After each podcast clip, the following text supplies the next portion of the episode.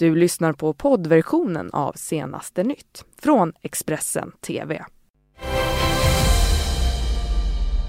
God morgon och vad härligt att just ni tittar på senaste nytt här i Expressen TV med mig Johanna Gräns denna lördagsmorgon.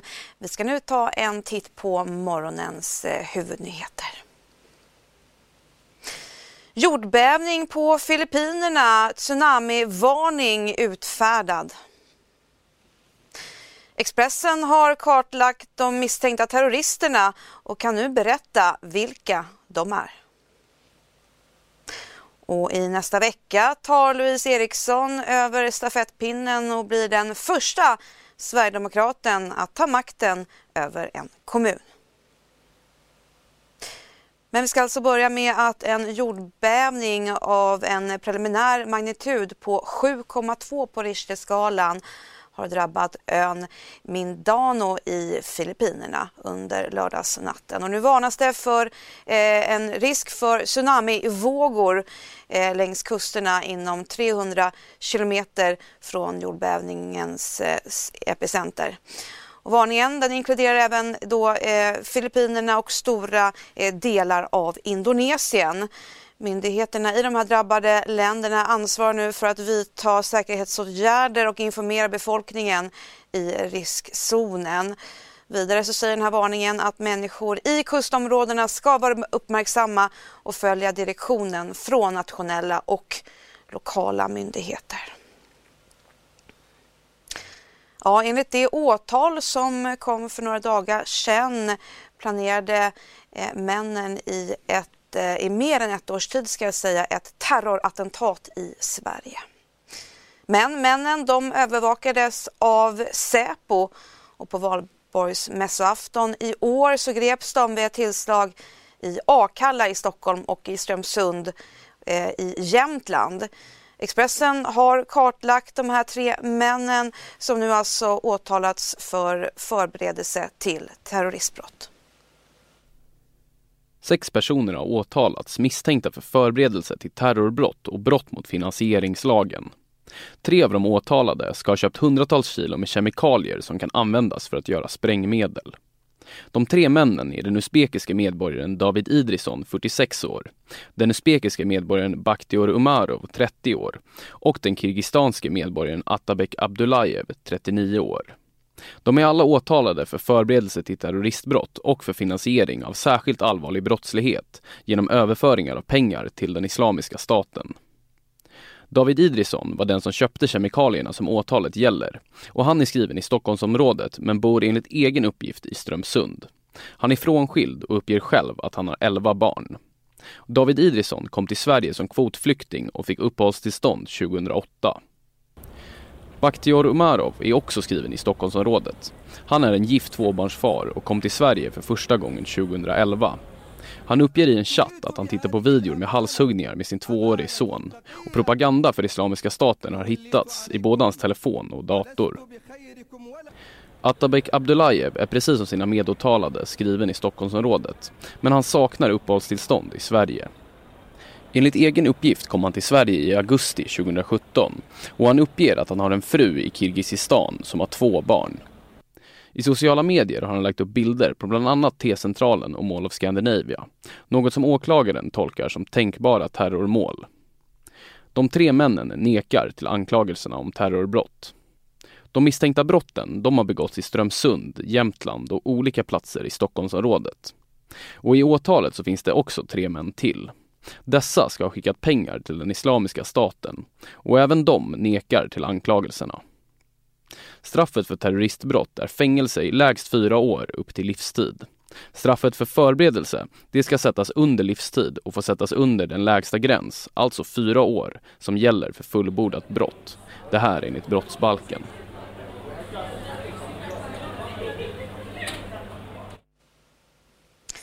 Fyra uppges ha dött och flera har skadats efter en explosion på en eh, turistbuss eh, i närheten av Kairo i Egypten igår kväll.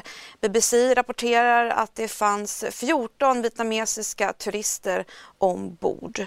Eh, inrikesministeriet uppger nu att en utredning har inletts. Just after 6 o'clock local time, a bomb hidden along the roadside in the Giza region, that's of course where the pyramids were located, that homemade bomb went off, hitting a tourist bus. The tourist bus was carrying 14 Vietnamese tourists. Two of those tourists were killed, according to the Interior Ministry, 10 other tourists wounded. And in addition to that toll, there were two Egyptians, the bus driver and a representative of the tourism company, that were wounded as well. Of course, this is of major concern to a country that is heavily reliant on its tourist economy. And the Interior Ministry has already said it will send police to the scene to investigate the cause of the accident. Egypt has, for some time now, struggled with issues of terrorism, particularly from what is called the Islamic State in the Sinai. They've launched several attacks many of them targeting Coptic Christians, targeting even Muslims at prayer time. Tourists have been by and large protected, but this hit will be sure to concern the country. Mm, svenska UD uppmanar nu svenskar på plats att höra av sig till sina anhöriga eh, eh, hemma eh, och följa eh, myndigheternas eh, anvisningar. Fyra män kraschade in i ett träd i allén på Skabesjö slottsväg i Svedala efter, eh, strax efter midnatt. Två eh, av eh, personerna ska eh, vara förda till sjukhus med ambulans. Bara en har allvarliga skador eh, men var vaken, var vaken och talbar enligt räddningstjänsten. Eh, och eh, orsaken till den här olyckan är ännu inte känd.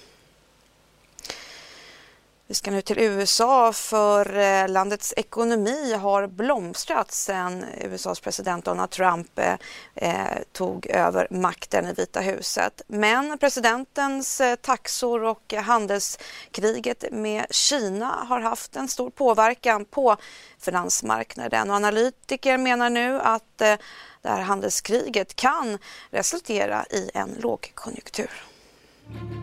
The president is focused on making sure we get good trade deals and not continue to be ripped off by other countries. We have uh, countries like China where we have a $500 billion trade imbalance, and that has to be closed. Today, I'm defending America's national security by placing tariffs on foreign imports of steel and aluminum. The EU is hitting back at President Trump's proposed tariffs on steel and aluminum. We're putting tariffs on $50 billion worth of technology and other things because we have to, because we've been treated very unfairly. What we have here is a situation where they've been basically punching us in the body and the face for years.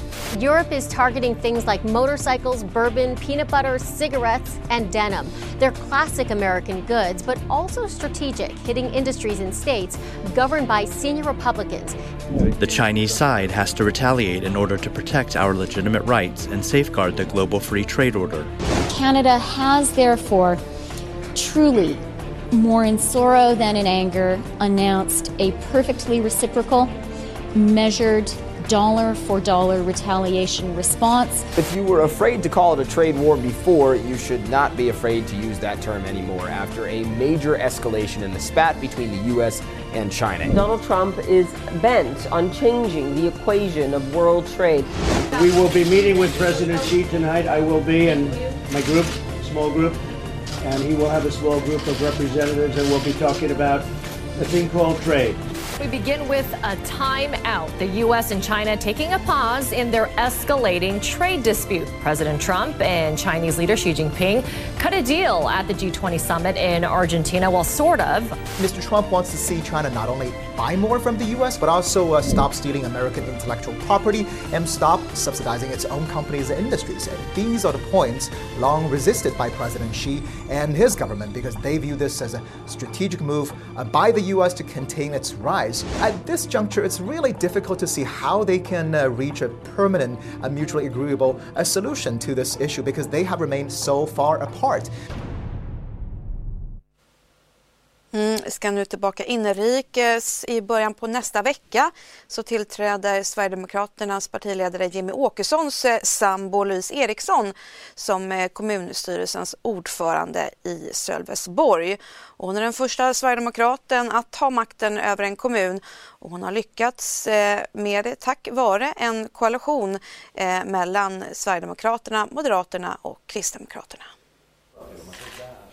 Medan partiledare Jimmy Åkesson fortfarande kämpar för en regeringsbildning där Sverigedemokraterna får vara med vid rodret så har hans sambo Louise Eriksson redan åstadkommit just det på kommunal nivå i Sölvesborg.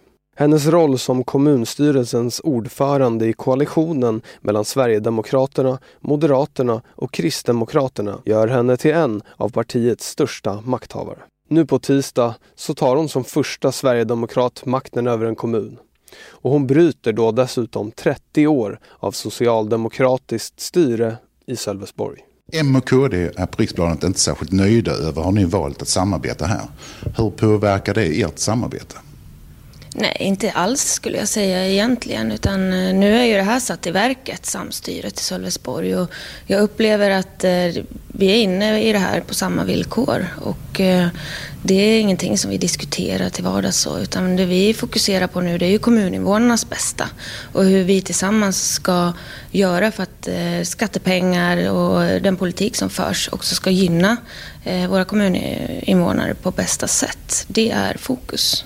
Hur skiljer sig du och Jimmy Åkesson er som politiker?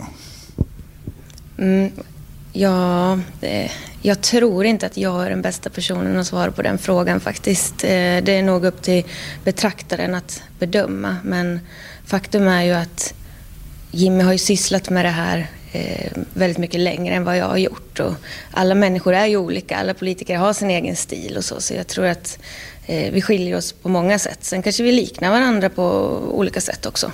Jag har ju ofta Jimmy som inspirationskälla på många olika ehm, sätt. Så att, men hur vi exakt skiljer oss, jag kan inte peka på någonting direkt så tror jag inte. Utan det får nog betraktaren bedöma. Vi ska nu helt eh, byta ämne. Under 46 års tid har Tord Haraldsson medverkat i över 200 eh, utredningar om dödligt våld. Han har beskrivits av chefsåklagaren Mats Eriksson som Sveriges bästa polis. Nu berättar den pensionerade kriminalkommissarien om ett fall han aldrig glömmer. Och det är fallet där den 42-årige eh, Andreas Johansson 2013 mördade en småbarnsmamma i Trollhättan. Hur många fall hade du totalt sett?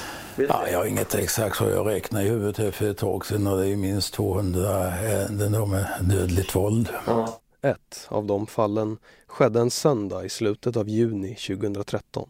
Polisen får då in ett larm om att det finns blodspår i en trappuppgång i ett flerfamiljshus i Trollhättan. När patrullen anländer till platsen så kan de följa blodspåren till en lägenhet där en småbarnsmamma är skriven. Och de inser genast att inte allt står rätt till. Bostaden är full av blod. Och det finns ett ensamt litet barn kvar där men mamman, hon är försvunnen. Och det ska dröja över en månad till den 8 augusti innan man hittar henne i en skogsdunge i Grästorp. Och då så är hon död. Dagen innan har Tor Haraldsson kört förbi det som snart ska bli fyndplatsen. Helt ovetandes om att det är där småbarnsmammans kropp ligger. Eh, bland annat gjorde vi husrannsakan hemma hos en av dem en dag före vi hittade henne och då åkte jag från den husrannsakan hit hem till Nossebro direkt.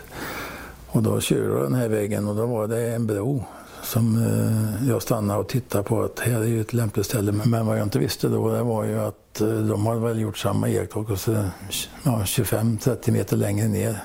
Så låg hon ju i buskaget. Polisens misstankar riktas i ett tidigt skede mot den idag 42-åriga Andreas Johansson efter att ett flertal indicier pekar på Johanssons skuld. Det handlar bland annat om fynd som polisen gör vid två olika brandplatser. Vi hade ju foton från affärer som han har varit och handlat den här dagen, bland annat tillsammans med offret. Och då var han klädd i mc-ställ av en viss fabrikat. Och eh, det hade han ju eldat upp med en knappar fanns kvar nere i mossan. Andreas Johansson döms mot sitt nekande till 16 års fängelse för mord av såväl tingsrätten som hovrätten. Två andra män döms även till ett års fängelse vardera för grovt skyddande av brottsling efter att ha hjälpt mördaren att transportera bort kroppen från lägenheten. Ja, det var ett indicieärende som eh, Rinsell drev. Eh, sen gick det fällande dom. Det var ju inga riktiga bevis, men att, eh, tekniska bevis, men det var en indiciekedja som höll hela vägen. Mm, och med det så tar vi en liten kort paus härifrån Studio 4 och Senaste Nytt, men vi är strax tillbaka.